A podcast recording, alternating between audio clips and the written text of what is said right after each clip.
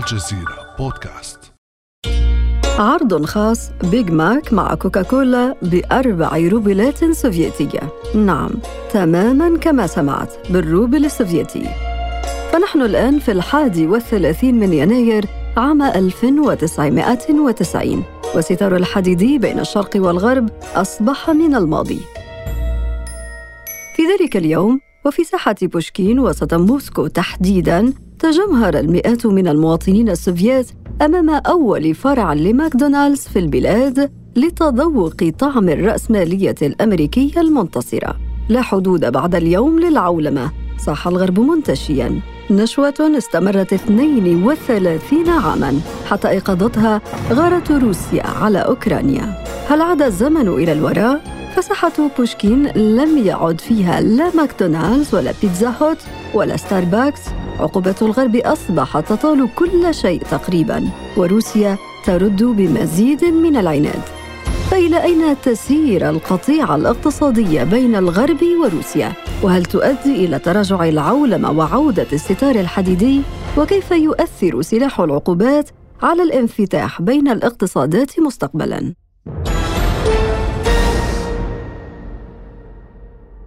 بعد أمس من الجزيرة بودكاست أنا أمال العريسي.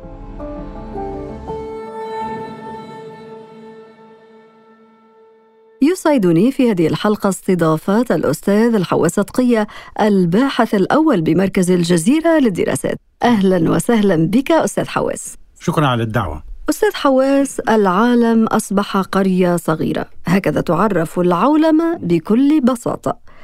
لكن ما هي المحطات الرئيسية في العصر الحديث التي أوصلتنا إلى هذه المرحلة؟ قصة التشابك هذه هناك اختلافات في تاريخيتها. فعندنا مثلا هناك من يقول بأن العولمة الأولى هي العولمة في الفترة الإسلامية وهؤلاء باحثون ليسوا من الإسلاميين يعني باحثون في مجال العولمة يعني عندنا كما جيرار شاليون كذلك ولستين وغيرهم هما أن الأسواق لأن العولمة عندها مضمون اقتصادي أساسا أن هناك ترابط في الأسواق يعني بين المنتجين والمستهلكين صارت كأنها سوق واحدة. عدد هائل من السكان أي من سكان المعمورة الذين نعلم بوجودهم في ذلك الوقت لأن أمريكا لم تكن معروفة في الفترة الإسلامية. لكن العالم المعروف من أطراف الصين إلى دمشق إلى المغرب إلى الأندلس. هذه كلها تقريبا مترابطة من حيث حركة الأموال وحركة البضائع. فهناك من يقول هذه العولمة الأولى. هناك من يقول العولمة هي لما تم إدماج الصين في الاقتصاديات الدولية وهي لما الصين التحقت بالمعسكر الرأسمالي وابتعدت عن الاتحاد السوفيتي. يعني نحن نتحدث عن الستينات. هناك من يقول بأن العولمة هو لما سقط هذا الجدار الحديدي والمجموعة التي كانت تابعة للاتحاد السوفيتي التحقت بالرأسمالية وبالسوق الدولية فهذه العولمة لأن عند ذلك تقريبا لم يعد هناك مكان في العالم ليس مرتبطا ببعضه البعض بالسوق الدولية. بما أننا تحدثنا عن نقطة سقوط الستار الحديدي إذا نحن وصلنا إلى 1989 بالذات أستاذ حواس وهنا انهار هذا الستار. ماذا حدث بعد ذلك للعولمة؟ الذي حدث بعد ذلك العولمة أن هناك بشر جدد التحقوا بالسوق الدولية. وصاروا الآن يحصلون على بضائع لم تكن من قبل متوفرة لهم وصاروا كذلك يبيعون البضائع التي بيدهم. وكذلك حركة رؤوس أموالهم صارت تنتقل في النظام البنكي العالمي. وكذلك حركة السياحة. من قبل كانت هناك حدود موضوع على الروس الذين يريدون السياحة إلى المناطق الغربية. وبقي كذلك الجمهوريات التي كانت تابعة للاتحاد السوفيتي مثلا كازاخستان وبيلاروسيا وأوكرانيا وغيرها كله صار بعد ذلك يشارك في هذه السوق في حركة العرض والطلب في حركة التبادل.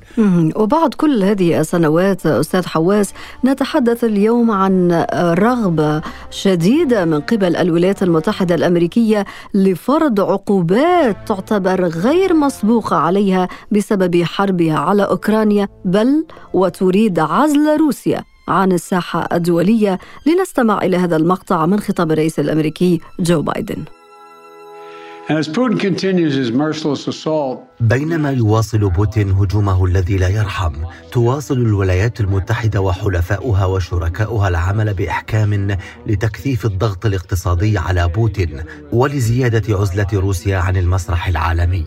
سنعلن بشكل مشترك مع حلفاء الناتو الآخرين ومجموعة السبع بالإضافة إلى الاتحاد الأوروبي عن عدة خطوات جديدة للضغط على بوتين وجعله يواجه عواقب عدوانه على أوكرانيا. هذه الخطوة الأمريكية أستاذ حواس تطرح الكثير من التساؤلات عن مستقبل هذه الحركة الكبرى التي تحدثت عنها فيما أسميته بالعولمة الأولى، العولمة الأخيرة ومرحلة ما بعد انهيار الاتحاد السوفيتي أو ما يعرف بالستار الحديدي. فبرأيك هل يعني ذلك هذه الخطوة الأمريكية هل تعني أنه هناك مسار باتجاه عودة الستار الحديدي؟ هو من ناحية السياسة هي في احتمالات أنه يعود لأن روسيا تريد أن تصنع لنفسها منطقة نفوذ بعيدة عن التأثيرات الغربية. من قبل روسيا كانت تعتقد بأنها تستطيع الفصل بين السياسي هناك صدار حديدي سياسي ولكن اعتقدت روسيا بأنها تستطيع مع ذلك البقاء ضمن الاقتصاديات الدولية. هي أرادت أن تفك الجانب السياسي صدار حديدي سياسي على الجانب الاقتصادي. ولكن الولايات المتحدة الأمريكية لها رأي آخر. لأن هذا في العلاقات الدولية فيه نقاش كثير حول هل الأسواق والتجارة تجعل المجتمعات أكثر اعتمادا على بعضها البعض وبذلك تقلل من الصراعات لأن إذا صارت معتمدة على بعضها البعض تتردد كثيرا قبل أن تدخل في صراعات لأنها قد تخسر هذه المكاسب نعم. والغرب طور هذا قال لك إضافة لذلك أنه إذا فتحنا إذا أدخلنا هذه الدول وصارت دول رأسمالية تتشكل طبقة وسطى. هذه الطبقة الوسطى بعدما تحصل على مستوى معين من الحياة ستدفع للمشاركة السياسية لأنها تبدأ تطمح إلى ما هو أكثر وبذلك تتحول هذه الأنظمة في روسيا وفي الصين وغيرها إلى أنظمة ديمقراطية بفضل العولمة. هناك نظرية أخرى هي النظرية الواقعية يقول بأن هذه المقاربة خاطئة لأنك إذا مكنت هذه الدول من أن تصير دولا ثرية ستحول ثرائها إلى أسلحة وهذا يجعلها تطمح في أن تصنع مناطق نفوذ. وهذا الذي الجاري حاليا في روسيا لذلك هؤلاء يقولون بأنه لا ينبغي أن نكون سذجا ونعتقد بأن العولمة ستحل هذه المشاكل. انتبهوا لذلك ينبغي أن يكون الاقتصاد تابعا للسياسة. وهذا الذي الآن تعتمده الإدارة الأمريكية، الإدارة الأمريكية لا يهمها أن تخرج كتلة بشرية من السوق الدولية إذا كان ذلك بالنسبة لها يضمن وضعا دوليا يكون في صالحها ولكن هذا التوجه أستاذ حواس قد يشجع أيضا دولا أخرى على إنه تبحث هي نفسها عن الانفكاك كما تحدثت أنت من هذه العولمة من هذه السوق المفتوحة وذلك خشية السقوط في العقوبات التي تمسك بقبضتها أمريكا. نعم هم يحاولون ولكن المشكلة أنهم هناك ما يسمى بالتراكم التاريخي. أنت لما تدخل إلى هذه السوق الدولية ليست سوق متروكة لأي أحد هي سوق متحكم فيها. خلينا نأخذ مثلا نظام SWIFT. نظام SWIFT هو نظام المراسلات بين البنوك. هذا النظام تتحكم فيه أمريكا. هذا النظام تشترك فيه حوالي 200 دولة في حوالي 11 ألف بنك. تقريبا الجوهر العولمة أو الجبهة المتقدمة في العولمة هي الجبهة المالية. هي النظام البنكي المترابط. كل بنك ملتصق ببقية البنوك. هذا النظام كما ترين أن هناك جهة متحكمة فيه. فلما حاولت الصين مثلا انها تصنع نظام شبيه بنظام سويفت هذا لا يوجد فيه إلا 75 بنك. واليوان من الذي يريد مثلا أن يحول مدخراته إلى اليوان؟ مثلا إذا سألت احدا ما هي العملة التي تريدين أن تحولي إليها أموالك حتى تكوني مطمئنة على أن قيمتها ستظل تحافظ على قدرتها الشرائية وستحافظ على قيمتها. بالطبع سيكون الرد مباشرة إلى الدولار أو إلى اليورو أو إلى الذهب. لا, لا يوجد من يقول لك أحولها لليوان. لأن حتى اليوان يصير منافس لابد أن يكون هناك على اليوان طلب. هذا الطلب شبيه بالطلب الذي يوجد على الدولار الأمريكي. والصين ليست بهذه القدرة جاذبة للطلب الدولي. فلما نقول العولمه هي؟ ليست متساوية. هناك من يتحكم فيها هناك من يتحكم في حنفياتها.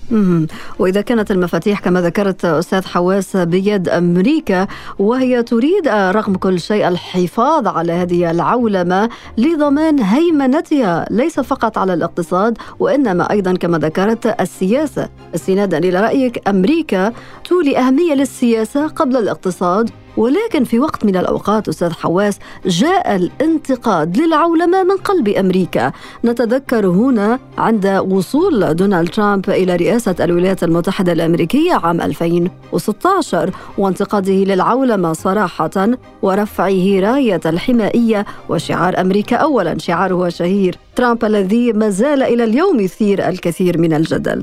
المفكر الأمريكي الشهير فرانسيس فوكوياما تحدث عن تلك المخاوف عام 2017 وأعرب عن أمله في أن تتمكن العولمة من الصمود في المدى المنظور. لنستمع. Uh, in 30 years, um, my hope would be first that we can actually hold on. خلال السنوات الثلاثين المقبلة آمل أن نتمكن من الحفاظ على قواعد اللعبة من حيث التكامل العالمي الذي حققناه حتى هذه النقطة دون تبديده إلى منافسة بين مجموعات من القوميات والقوميات الفرعية. أستاذ حواس في حال خابت أمل فوكوياما وتواصل انحسار العولمة أو بعض جوانبها الاقتصادية على الأقل ما هي الصيغ البديلة للعولمة الشاملة؟ لا يوجد صيغة لا يوجد صيغة. العولمة ستظل. يعني لما نقول بأن روسيا قد تستبعد مؤقتا من السوق الدولية في بعض القطاعات وإن كانت قطاعات هامة هذا لا يعني أن العولمة ستتوقف. هي ستظل هناك كتل بشرية كبيرة مشتركة في التبادلات يعني الهند هي مليار و200 أو مليار و300 الصين هي مليار و400 إفريقيا قريبا حوالي مليار والاقتصاد الروسي يعني موش اقتصاد هائل.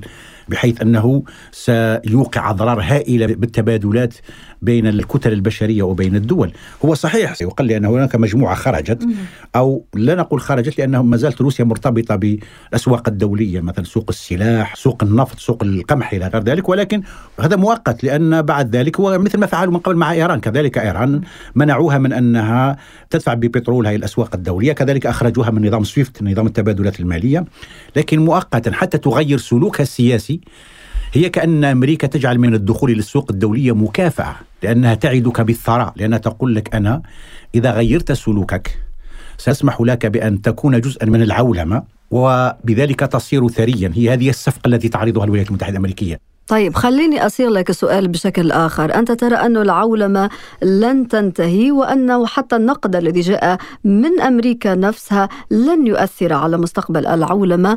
ولكن الآن الاقتصاد العالمي أستاذ حواس في وضع غير مسبوق هو أمام أزمتين أزمة كورونا التي لم تنتهي بعد وكذلك الحرب الأوكرانية وبالتالي طال أمد أزمة سلاسل الإمدادات، أزمة التضخم العالمي الذي وصل إلى مستويات غير مسبوقة في الكثير من دول العالم بما في ذلك أمريكا. بالتالي السؤال المطروح ألا تدفع كل هذه العوامل باتجاه انحسار العولمة؟ هذا تعثر هو تعثر صحيح لأن هذا يقلل من التبادلات ولكن هذا هناك قوة هائلة للعولمة ما هي؟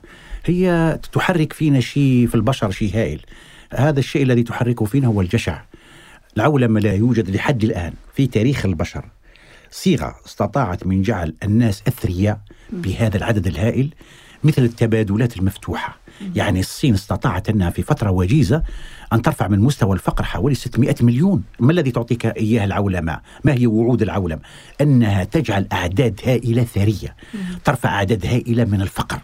فالرغبة في أننا نصير أغنياء وتتحسن أوضاعنا المادية هذه رغبة بشرية عميقة ولحد لا لا توجد صيغة أخرى. لذلك ممكن أن تتعثر العولمة لكن لا يعني أنها تعثرت أنها نهايتها لأن بعد ذلك ستستأنف مسارها وستقف مجددا على قدميها والبشر بعد ذلك يبحثون عن بعضهم البعض لأنهم يريدون أن يكونوا أثرياء. وهذا الذي تريده أمريكا أنها تحرم روسيا من الثراء.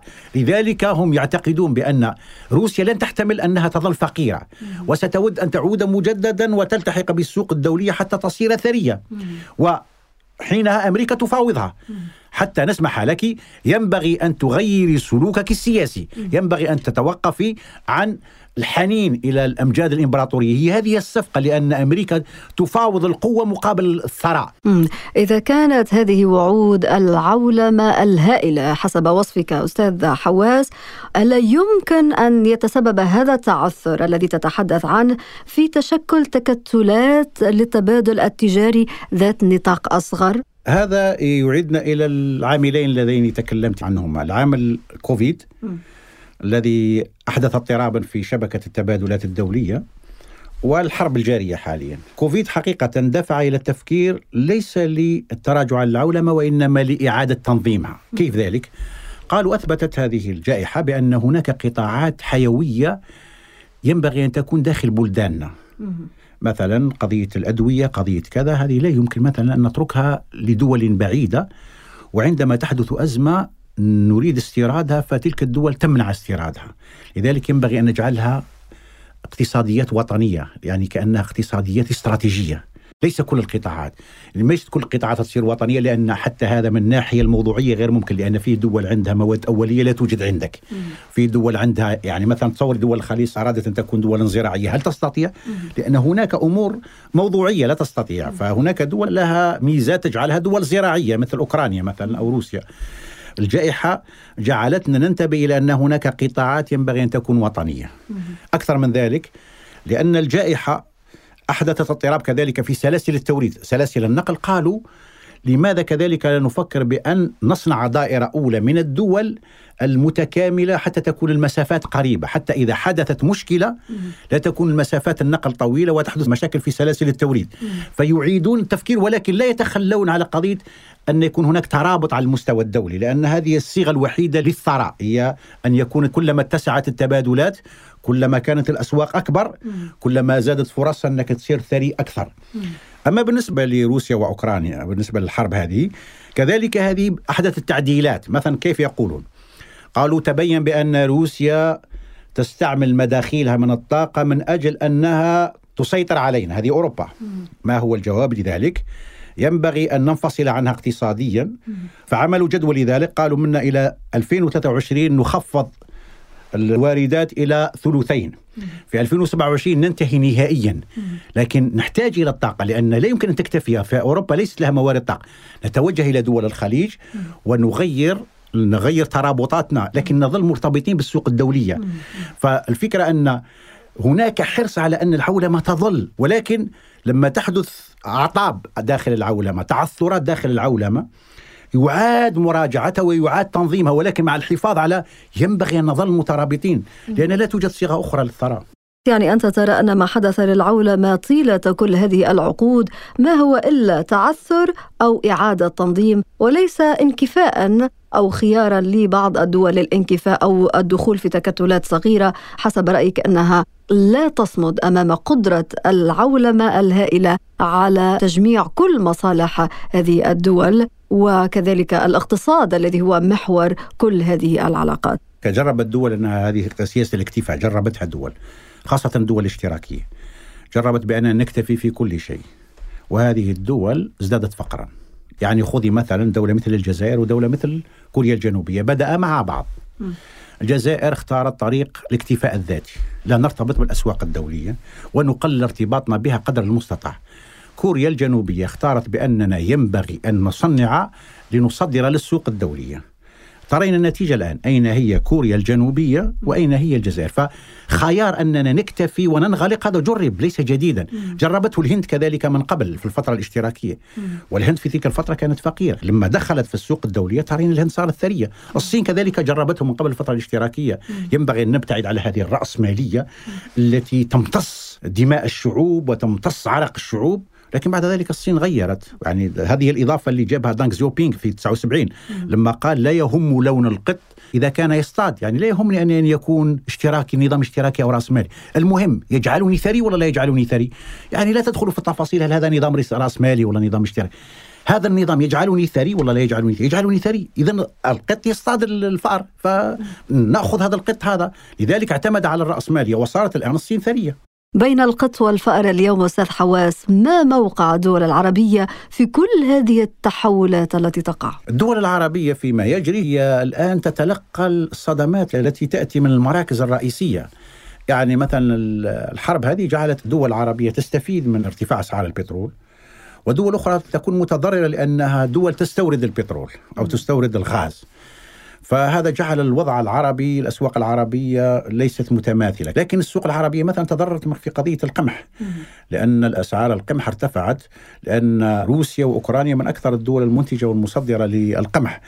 عموما هي طبعا كما قلت لك العولمة هي عبارة عن تيار يرفع الجميع. يعني كله سيصير وضعه أحسن.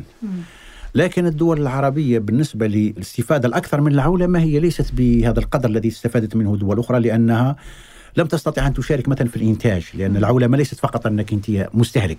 الدول العربية هي أقرب إلى المستهلك في العولمة من المنتج. لكن حتى تصير ثريا لأن العولمة تعطيك فرصة أنك تنتج وتبيع. لكنك إذا أنت اخترت أن تظل مستهلكا فقط. هذا يجعلك تصرف مداخيلك من المواد الأولية. إذا مثلا تعرضت أسواق البترول إلى اهتزازات وانخفضت الأسعار وضعك سيكون سيء. فالعولمة أعطت فرص هائلة ولكن للأسف أن العالم العربي لم ينتهز هذه الفرص لي يحقق ما حققته العولمة لغيره من الثراء ومن تحسين الوضع لأعداد كبيرة من سكانه ولذلك اليوم الكثير من العرب يسأل ما علاقتنا بالحرب الجارية في أوكرانيا؟ وكل هذا يحدث في سياق عولمة تمر بتحولات كبيرة. ولكن وفق رأيك أستاذ حواس عصر العولمة لم ينتهي بعد. لم ينتهي. الأستاذ حواس تقية الباحث الأول في مركز الجزيرة للدراسات. شكرا جزيلا لك على هذه الحلقة المفيدة والمهمة. شكرا. كان هذا بعد أمس.